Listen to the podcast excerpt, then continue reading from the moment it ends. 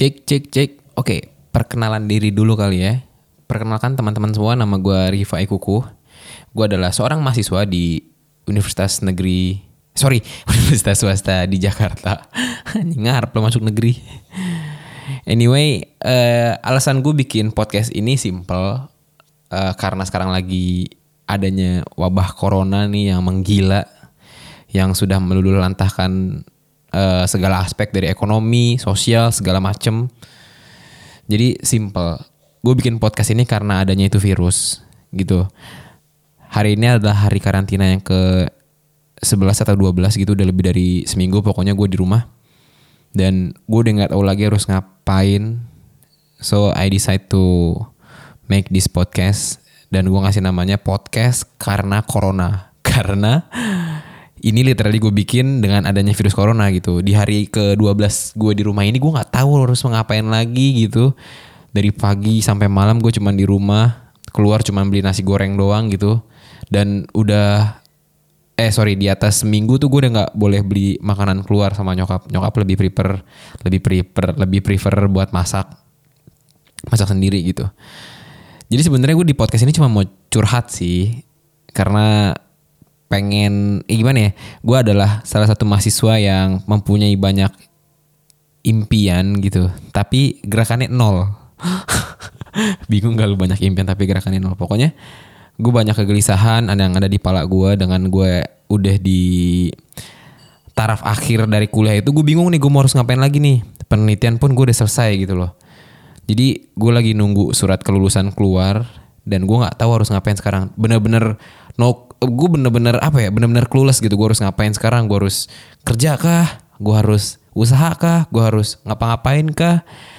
Jadi di episode pertama ini gue sebenarnya pengen cerita. Gue pengen curhat tentang latar belakang gue bukan latar belakang sih lebih tepatnya kayak kegelisahan-kegelisahan yang ada di pala gue gitu. Gue pengen bikin ini pengen bikin itu. Gue pengen cerita di sini semua pengen gue tuangin semuanya di sini. Dan mudah-mudahan bisa nemenin lo semua nih bisa nemenin Iya mau mau ada yang dengerin atau enggak, seenggaknya gue dibikin sesuatu gitu untuk dinikmati, setidaknya untuk gue sendiri. Jadi uh, kalau kesah gue yang pertama adalah gue benar-benar di fase yang apa sih namanya itu? Kalau uh, lagi galau-galau eh, bentar, bentar, bentar, bentar. Oh sorry, ini nih namanya nih quarter life crisis. Sorry, quarter life crisis ya kalau kata gue gue gue pertama kali tahu quarter life crisis ini dari vlog eh sorry dari podcastnya. Banyak kan ngomong sorry anjrit. Dari podcastnya Arif Muhammad gitu. Jadi dia ngebahas sama Tipang kalau gue nggak salah ya. Dia ngebahas quarter life crisis gitu. Dan mungkin gue nggak bisa uh, bilang kalau gue sekarang lagi di posisi itu juga. Tapi uh, dengan gejala yang diceritain oleh Arif Muhammad menurut gue menurut gue pribadi itu sangat memiliki korelasi dengan gue sekarang gitu. Jadi gue memutuskan gue sekarang lagi ada di quarter life crisis gitu. Jadi gue nggak tahu mau ngapain, bener-bener nggak punya ide, nggak punya bukan nggak punya ide. Gue gue bingung mau ngapain itu karena gini loh. Gue mau kerja surat keterangan lulus belum keluar. Kalau gue di rumah doang juga nggak ngasilin sesuatu gitu. Gue bikin, ya sebenarnya sih gue ada ide gitu. Gue bikin YouTube, tapi nggak jalan-jalan karena gue malu banget gitu di tengah keramaian orang. Karena kan gue sempat bikin YouTube ini loh. YouTube sorry sorry lagi komat lagi komat. Sorry sorry. Uh, YouTube tentang apa food vlogger gitu. Tapi karena gue bener-bener nggak uh, bisa ngomong di depan orang banyak maksudnya gue nggak bisa tuh yang bobo kamera ke tengah tempat makan gitu. Jadi center of perhatian orang-orang gitu. Jadi ya menurut gue anjir apa ini gue lanjutin atau enggak? Di situ tuh gue bimbang tuh sebenarnya tuh. Dan sampai sekarang videonya cuma ada berapa ya? 7 atau 8 gitu. Apa 9 ya? Dengan jumlah sebenarnya di, ada di beberapa video yang viewersnya oke okay gitu. Menurut gue untuk gue yang bukan siapa-siapa dengan angka 4000 views itu menurut gue deh sorry menurut gue udah cukup bagus gitu. Tapi balik lagi gue nggak bisa enjoy dengan apa yang gue jalanin itu. Gue bingungnya tuh gitu. Gue nggak bisa enjoy karena gue nggak kebiasa atau memang gue nggak punya bakat atau gimana tuh sebenarnya gue bingung. Ada niatan gue ngajak temen gue tapi ya gitu gue takutnya tuh nggak konsisten doang gitu loh. Karena gue tahu algoritma YouTube tuh sebenarnya tuh sama kayak algoritma ya bukan algoritma sih ini kayak udah rumus hidup ya. Semua tuh harus konsisten ya kan? Dan gue tuh nggak bisa memegang konsistensi itu. Ini kayak ini contohnya nih podcast ini. Gue nggak tahu nih mau sampai kapan uh, berpodcast podcast ria ini. Ya gue cuma mungkin mungkin mengisi kekosongan gue karena adanya virus corona ini gitu loh ya intinya di episode pertama ini gue cuma pengen cerita tentang gue yang banyak ide banyak akal bukan aja akal banyak ide dan banyak kegelisahan tapi nggak bisa gue salurkan dengan baik gitu loh. Uh, so far sebelum corona ini menyerang sih gue eh, ngikut-ngikut event gitu. Ngikut-ngikut event perusahaan gitu gue jadi fotografer dan jadi videografer ya gitu tapi baik lagi. Kalau sama perusahaan tuh lo nggak bisa banyak berkreasi gitu loh nggak bisa banyak nuangin ide karena ya lo harus strict eh lo harus nurut sama apa yang disuruh sama klien lo gitu atau perusahaan lo itu ya jadi gue cuma bisa ngikutin arahan-arahan doang gitu. Selain gue jadi fotografer, gue juga biasanya tuh ngedit-ngedit uh, spanduk, banner, terus uh, sorry gue ngecek handphone dulu. Spanduk, banner, terus ya poster-poster gitu-gitu lah gue kerjain. Tapi itu gue masalahnya tuh gue nggak profesional di bidang itu. Jadi uh, menurut gue tuh nggak income-nya tuh nggak banyak gitu. Ya sekarang masih mana bisa gue profesional gitu, sedangkan gue adalah mahasiswa di bidang transportasi yang gak ada korelasi sama sekali dengan bidang pereditan-editan tersebut gitu. Tapi gue punya keinginan gitu, kayaknya seru ya kerja di industri kreatif gitu loh. Makanya gue sempat bikin itu tuh karena itu gue pengen terjun ke industri kreatif gitu. Entah jadi orang event kah, entah jadi apa pun itu. Pokoknya gue sebenarnya pengen nyoba gitu. Karena kan gue kemarin juga sempat magang ya. Gue sempat magang di MRT selama tiga bulan.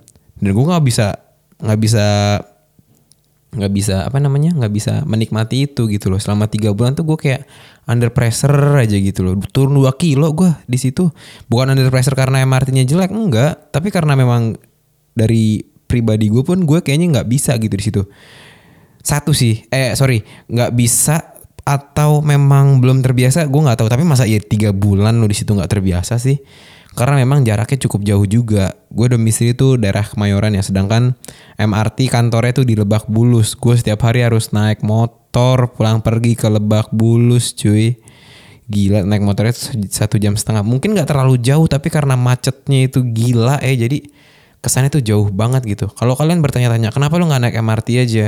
Satu kalau gue harus naik MRT motor tuh harus gue taruh di Wisma Nusantara dan bayar parkir dong sejam 2000 kalau misalkan sejam 2000 gue kerja sehari tuh 8 jam. Ya anggap sehari 20 ribu. Sedangkan gue magang di MRT di gajinya satu hari 100 ribu ya alhamdulillah sih dapat gaji ya jadi menurut gue nggak nggak nggak nggak ini aja kalau gue naruh motor di HI terus dari HI naik MRT ke Lebak Bulus gitu. Terus juga dari segi waktu juga gue lebih banyak makan waktu kalau gue naik MRT gitu. Karena kalau naik motor tuh langsung gitu. Pulang bisa langsung pulang, mau ke mana-mana tiga langsung jalan gitu. Nggak perlu ke mana-mana lagi ya. Ini uh, pemikiran yang salah sih. Seharusnya lo dukung pemerintah untuk menggunakan transportasi publik gitu. Tapi karena gue orangnya geragasan jadi gue nggak bisa naik transportasi publik. Gue pernah naik transportasi publik itu hari pertama gue magang. Gue ingat banget hari pertama gue magang. Gue berangkat naik MRT terus gue pulang naik MRT terus naik busway.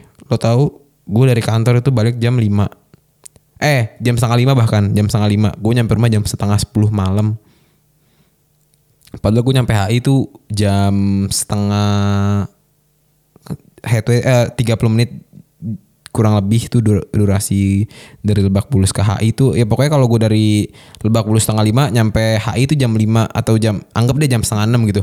Gue nyampe rumah jam setengah sepuluh cuy.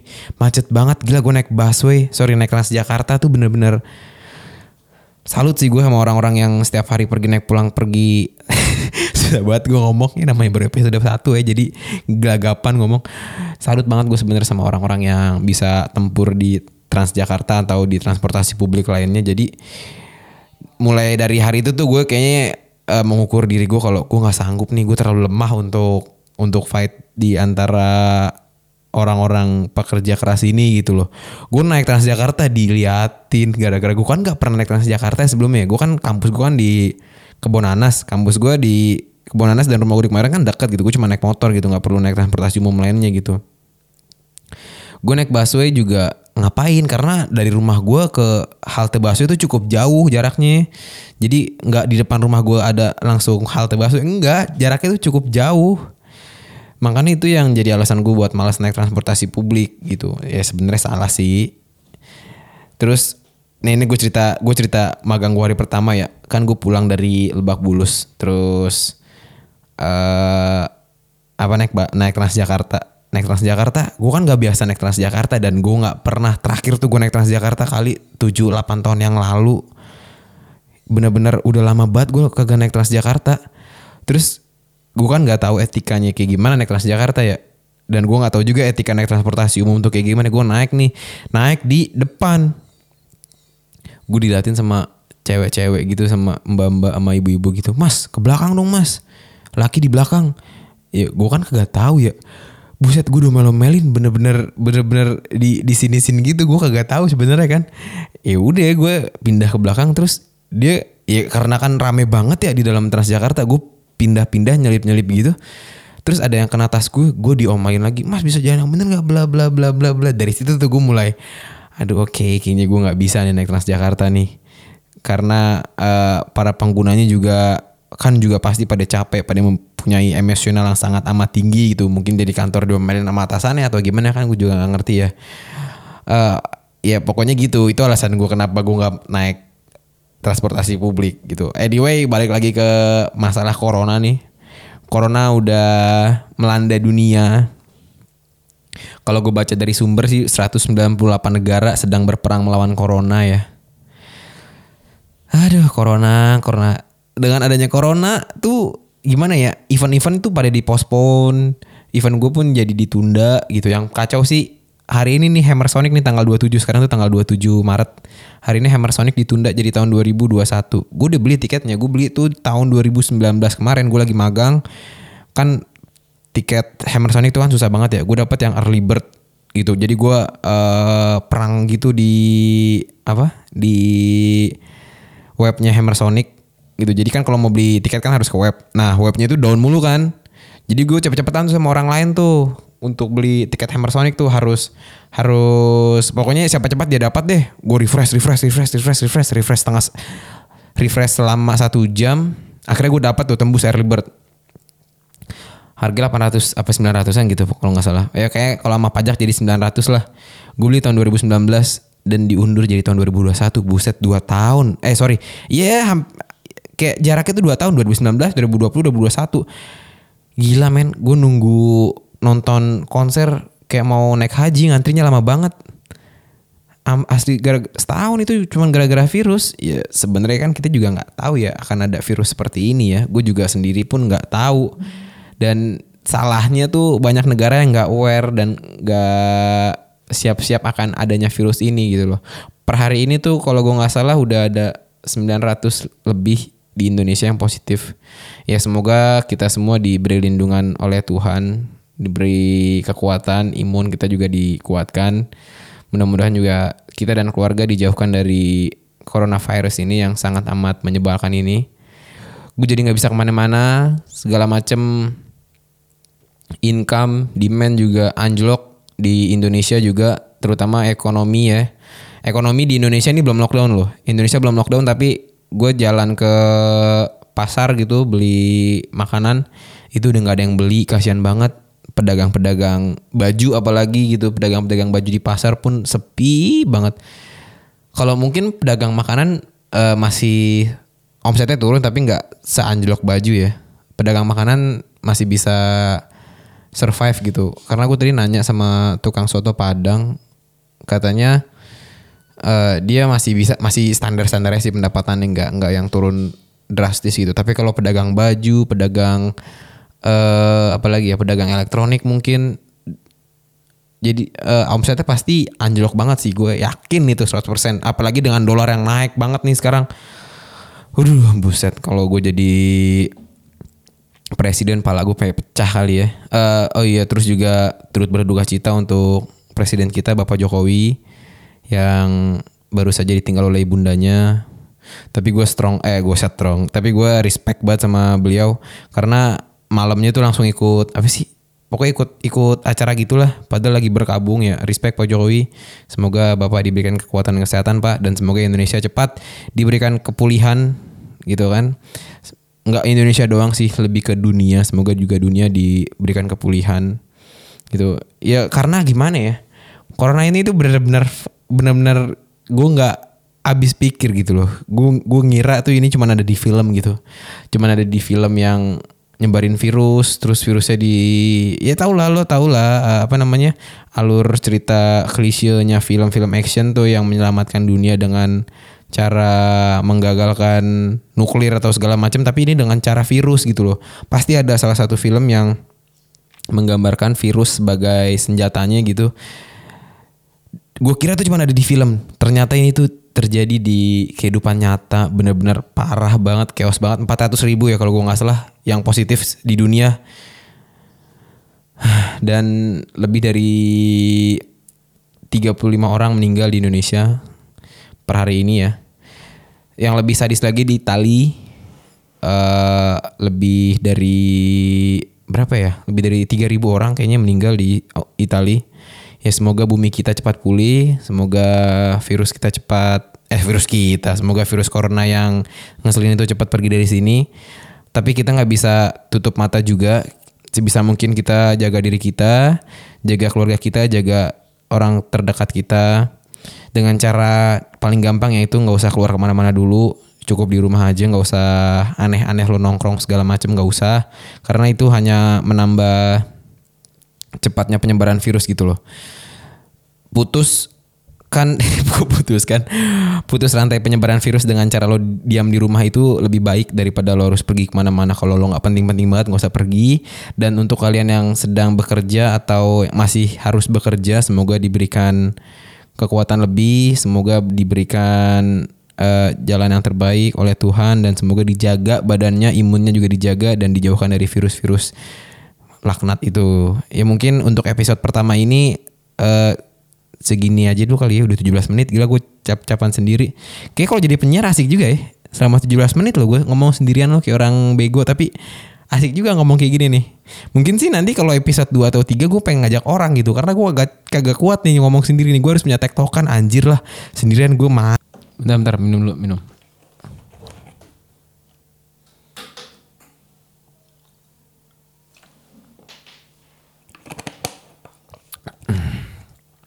Ya kayaknya asik ya jadi penyiar ya. Dan gue nggak habis pikir sih kalau penyiar tuh kan 3 jam 4 jam sendirian yang ngomong ya. Walaupun diseling-selingin sama lagu tapi tetap aja bro. Mulut bau sih pasti. Gila 4 jam ngomong sendirian. Kayaknya asik juga ya kalau jadi penyiar ya.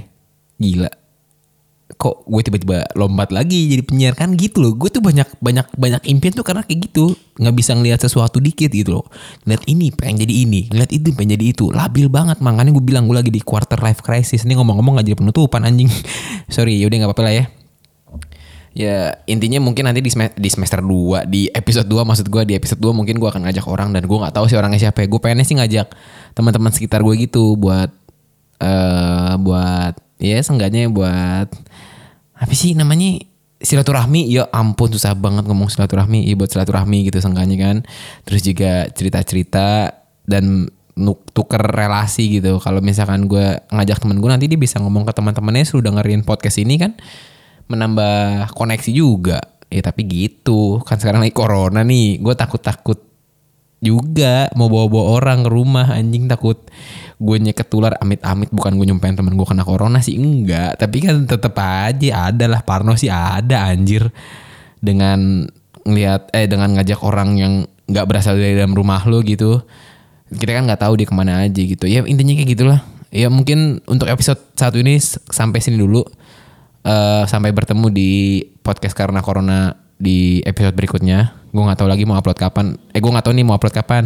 Ini aja tuh bahkan sekarang anjing nggak jadi penutupan lagi. Ya bahkan tuh gue gue cerita dulu sedikit sedikit lagi baru penutupan. Ini aja tuh gue sekarang belum tahu cara masukin ini ke Spotify gimana anjing sumpah. Bener-bener gak punya gak punya pengetahuan tentang gitu-gituan tapi ya coba aja ya. Gue sih pernah denger di podcast Boker ya sekarang ganti nama jadi BKR Brothers dia pakai Anchor. Coba nanti gue coba pakai Anchor mudah-mudahan bisa ke distribusi ke Spotify gitu. Ya pokoknya segini dulu eh, episode podcast karena corona. Semoga di episode 2 bisa bareng sama seseorang entah siapa pun itu. Eh, semoga juga kita semua diberikan kesehatan. Sampai bertemu di episode berikutnya. Goodbye everybody